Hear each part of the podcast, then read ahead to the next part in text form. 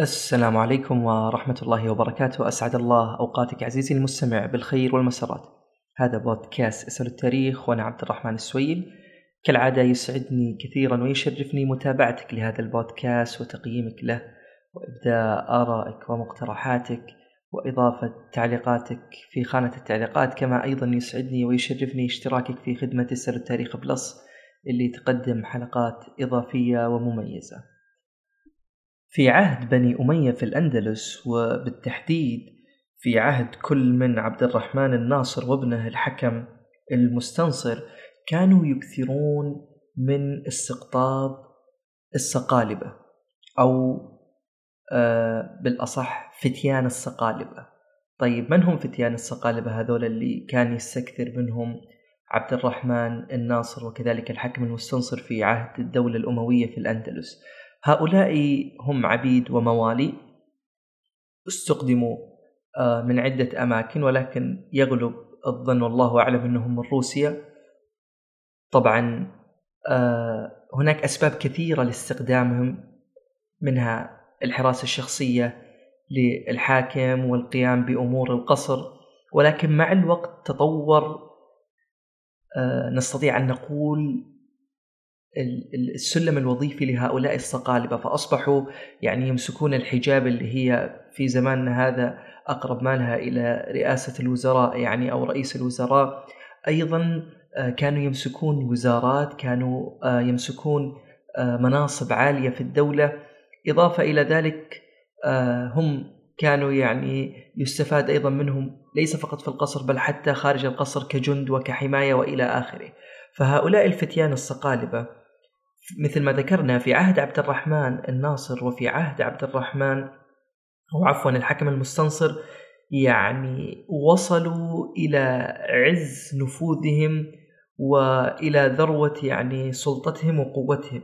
حتى يذكر أنه في عهد الحكم المستنصر يعني لما توفي كان في قصره فقط أكثر من ألف فتى من هؤلاء الصقالبة طبعا أصبحوا في ذلك الوقت قوة لا يستهان بها أبدا وأصبح لهم نفوذ وأصبح لهم كلمة لأنه مثل ما ذكرنا الخليفة كان يعتمد عليهم في أمور يعني كثيرة جدا.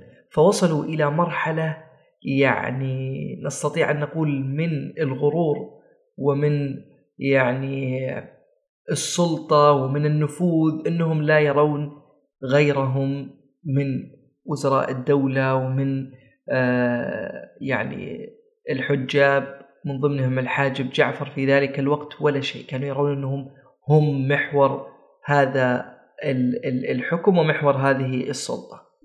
لما توفي الحكم المستنصر قرر السقالبة عفوا إلى أنهم يكتمون هذا الأمر ولا يخبرون الناس به. وكان على رأسهم يعني الفتى فائق وكان هو أعلاهم مرتبة ويليه بعد ذلك فتى آخر يدعى جؤذر. طبعا ضبطوا أمور القصر وسيروا أمور الناس وكتموا هذا الأمر حتى لا يخرج للعامة. وكان عندهم هدف من كتم أمر وفاة الخليفة. الهدف من ذلك أرادوا أنهم يزيحون ابنه اللي هو آه، الحكم أو عفوا ابنه هشام ابن الحكم لأنه كان صغير سن. إضافة إلى ذلك لو تولى هشام ستكون حتما السلطة للحاجب اللي مثل ما ذكرنا سابقا رئيس الوزراء اللي هو جعفر المصحفي ومعه آه ابن أبي عامر. فهم كانوا يعلمون أنه لو أخذ هذا الفتى الصغير هشام الحكم سيكون الحكم الفعلي للحاجب. لأنه في النهاية هو صغير سن لن يستطيع أن يدبر الأمور ولن يستطيع أن يسير. ستكون أغلب الأمور بمشاورة اللي هو الحاجب وحزبه فبالتالي كانوا يريدون أن يأخذون هذه السلطة ولا يفرطوا فيها.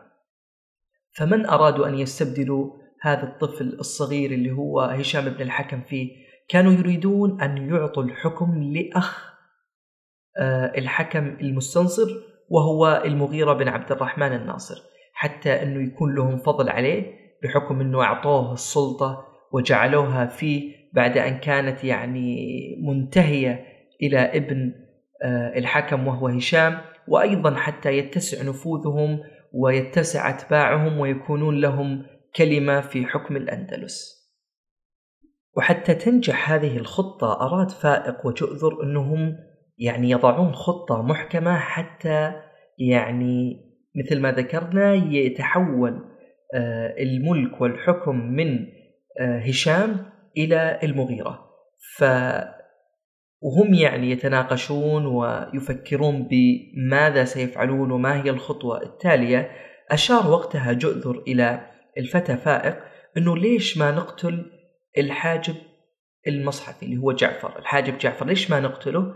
فبالتالي يعني يكون يعني لنا الأمر وبالتالي يعني نستطيع أن نقول أن استبعدنا أكبر تهديد على أنه يتولى المغيرة الخلافة وأيضا أكبر تهديد علينا. فلم يعجب في ذلك الوقت فائق بهذا الاقتراح ورأى أنه غير جيد ولكن رأى أنه نأتي بالحاجب جعفر ونخيره إما أنه يوافق على ما اقترحنا عليه أو أننا نقتله.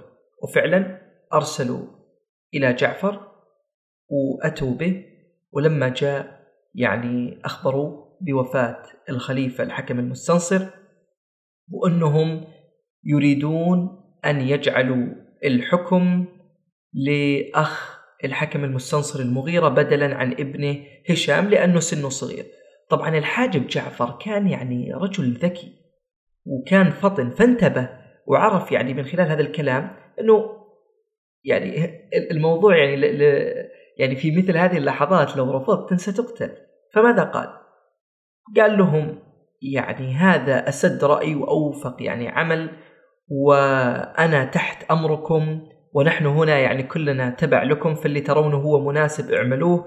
وبالعكس أنا أرى أنكم تستعينون أيضا برأي المشايخ وتأخذوا يعني رأيهم في هذا الموضوع حتى لا يكون يعني هناك خلاف. وأنا بالنسبة لي سأذهب إلى القصر وأضبط أموره بنفسي وأنفذ لكم يعني كل ما أردتم أن تقوموا فيه يعني من تولية المغيرة بدل من هشام.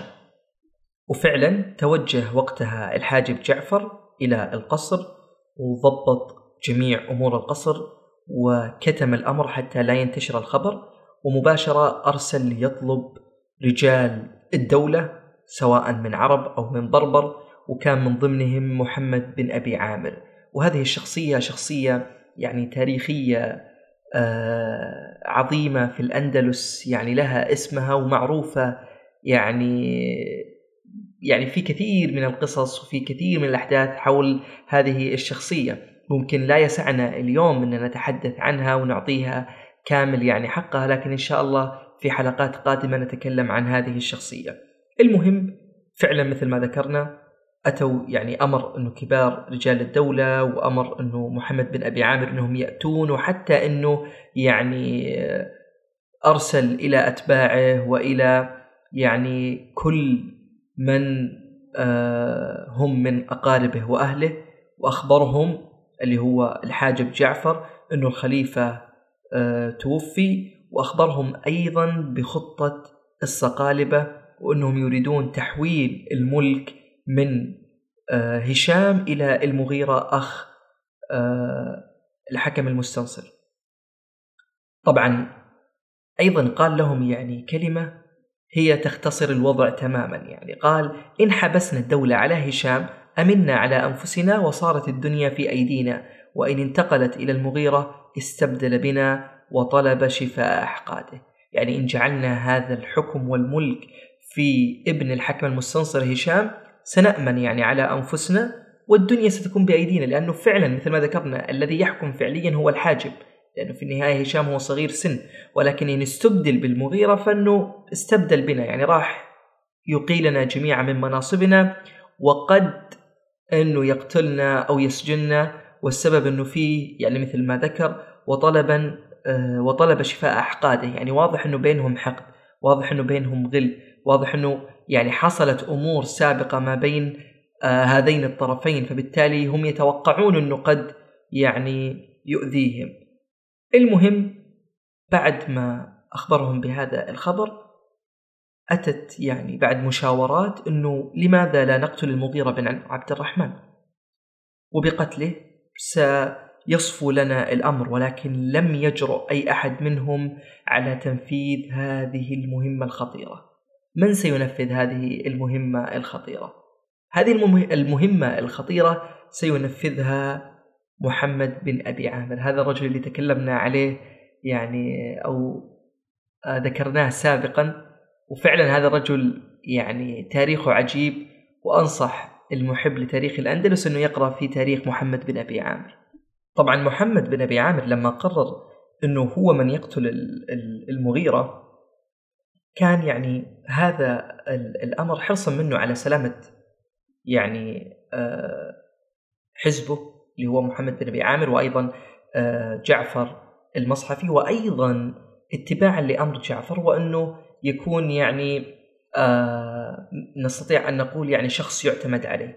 المهم أنه أعجبوا به كثيرا وزاد تقديرهم له لما قال يعني ذلك وفعلا ذهب محمد بن أبي عامر وأرسلوا معه مجموعة من الجنود وتوجهوا مباشرة إلى دار وإلى بيت المغيرة بن عبد الرحمن الناصر وتم الإحاطة بهذا البيت أو بهذا الدار من كل الاتجاهات ودخل عليه بعض الجند وقتها ما كان يعلم بوفاة أخيه الحكم المستنصر. فأتى محمد بن أبي عامر وأخبره بالخبر وقال له إن الوزراء يخشون إنك تخرج آه، على بيعة هشام وإنه أرسلوني إليك حتى إني أمتحنك وتأكد من صدق ولائك لابن أخيك هشام. وهل أنت باقي على البيعة ولا لا؟ طبعا وقتها المغيرة والأجواء والجند يحيطون فيه من كل مكان وفي حالة خوف وذعر. يعني قال له أنه أنهم أنا يعني أعلمهم أني أنا سامع مطيع وافي بيعتي فتوثقوا مني كيف شئتم يعني أنا معكم. أنا أنا لم أخرج لم أرد يعني إني آه، آخذ هذا الملك والحكم من هشام.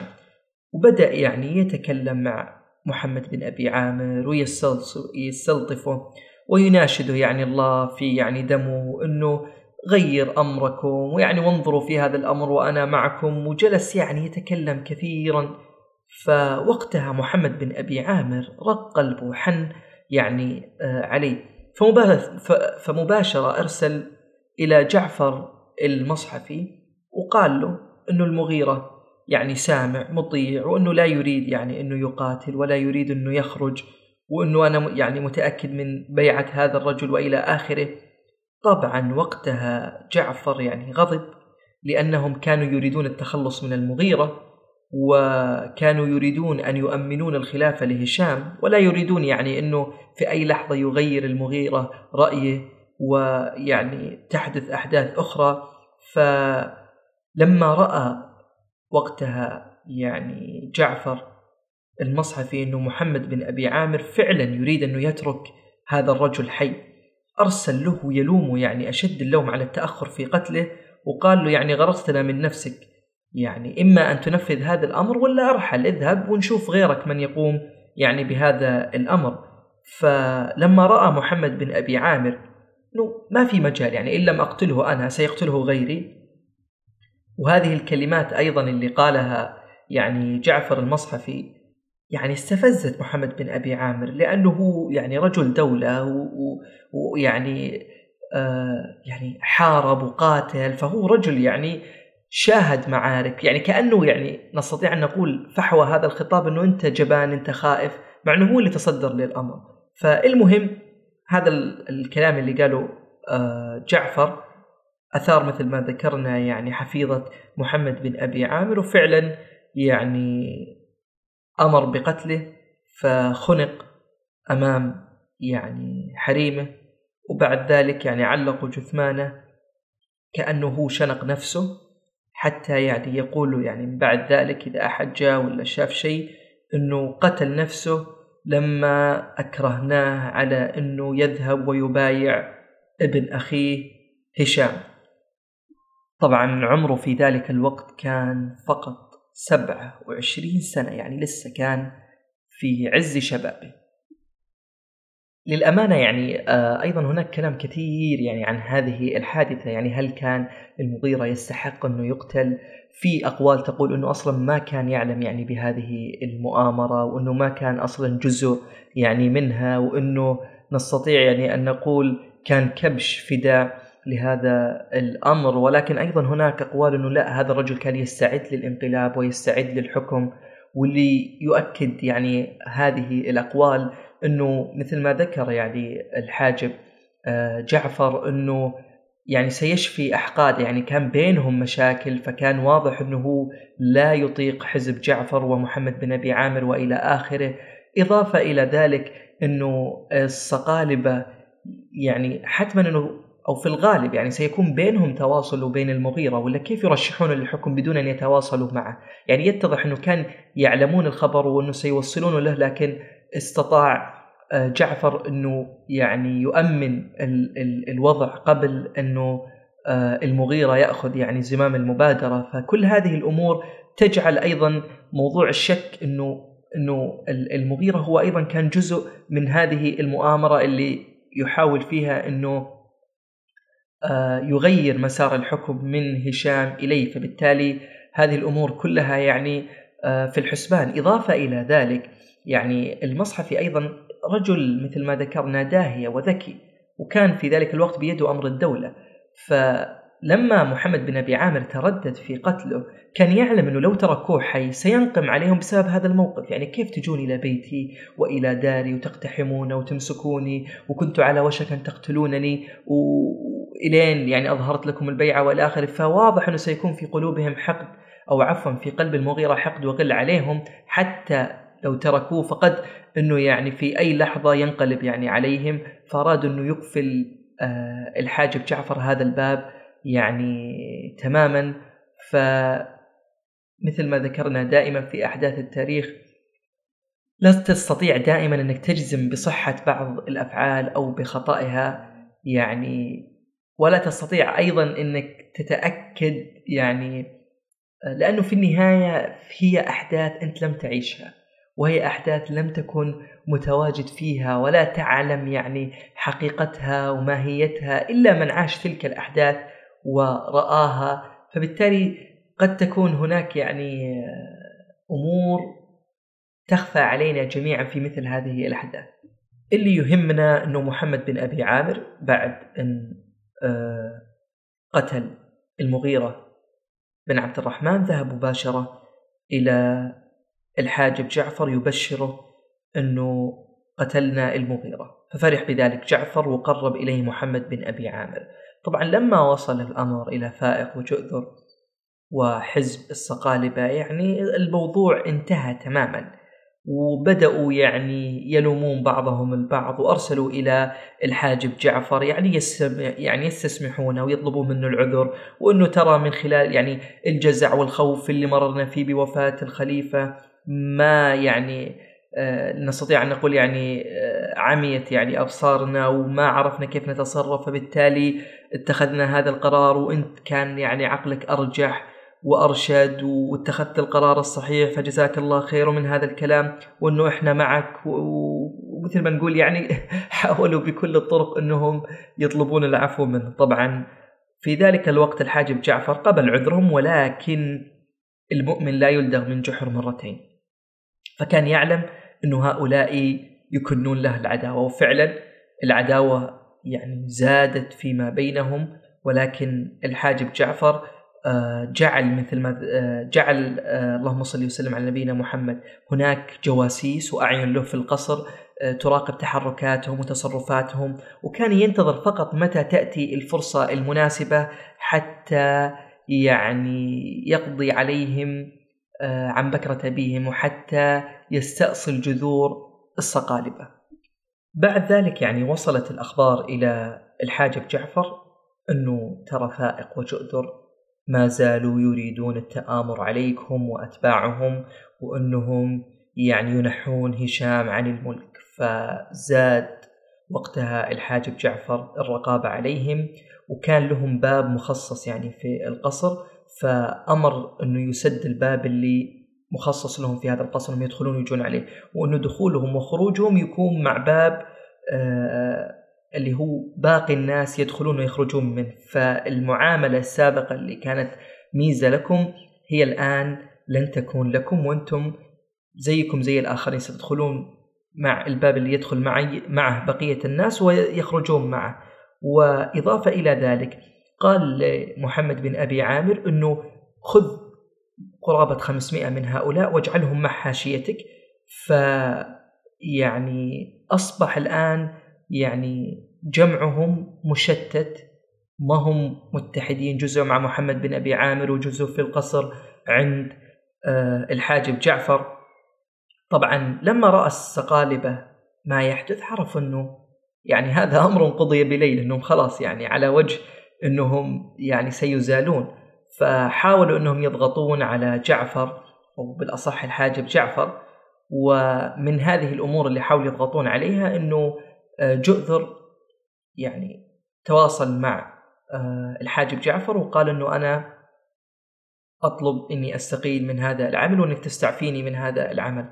طبعا كان يظن في ذهنه إنه له مكانة وله تقدير وإنهم لن يرضوا يعني باستقالته واستعفائه من العمل وإنهم سيحاولون انه يبقونه. لكن تفاجأ وصدم لما قبل يعني استقالته وعلم هو مع إنه هذه رسالة واضحة لمن بقي منهم في القصر إنه أنتم لستم كالسابق. مكانتكم اللي كانت في عهد الحاكم آه، المستنصر وعبد الرحمن الناصر لن تكون كما هي فوضعكم الآن مختلف تماما. طبعا هذا الموضوع أيضا زاد من تذمرهم وسخطهم على الحاجب جعفر حتى أنه في أحد الفتيان منهم كان اسمه آه، دري. هذا يعني كان متمرد جدا فأراد الحاجب جعفر أنه ينهي تمرده وفعلا تواصل مع محمد بن أبي عامر وقال له يعني أنه حاول أنك يعني تتخلص من هذا الرجل. فماذا فعل محمد بن أبي عامر؟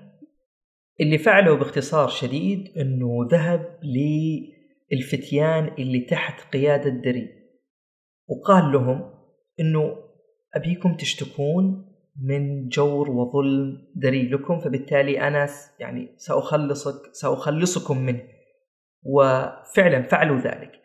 فلما وصل هذا الأمر لمحمد بن أبي عامر رفعوا إلى الحاجب جعفر اللي بدوره أيضا رفع هذا الأمر إلى هشام المؤيد الخليفة. فوقتها أمر أنه يجمع بين المتظلمين وبين دري حتى يتم التحقيق والتأكد من هذه الأخبار اللي رفعوها ضده.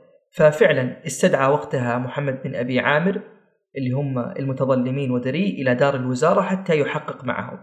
فلما جاء دري حس بالخطر وحس إنه هناك يعني أمر قضي بليل ضده. فحاول إنه يرجع ولكن اعترضوا محمد بن أبي عامر وقبض عليه. طبعا دار بينهم حوار وأساء الأدب معه وصار بينهم تشاجر وقبض دري بلحيه محمد بن أبي عامر. المهم هذا الأمر يعني وصل إلى إلى يعني مرحلة لا يستطيع أن يطيقها محمد بن أبي عامر فقبض عليه ويعني آه، حمل إلى داره وقتل فيها في تلك الليلة. وبعد ذلك أمر كل فتيان الصقالب أنهم يذهبون إلى دورهم وأنهم لا يخرجون منها. فلما فعلوا ذلك يعني بدأ يطاردهم ويلاحقهم ويأخذ أموالهم حتى أنهم لا يفكرون حتى مجرد التفكير أنهم يتآمرون على الدولة ونفى آه، فائق اللي ذكرنا كان هو على رأس الصقالبة إلى جزر البليار وبقي هناك حتى مات وبذلك انتهت يعني مؤامرة الصقالبة وانتهت يعني شوكتهم وقوتهم في عهد الدولة آه، في عهد الدولة الأموية وفي عهد هشام المؤيد. إلى هنا عزيزي المستمع تنتهي هذه القصة أستودعك الله الذي لا تضيع ودائعه كن بخير في أمان الله.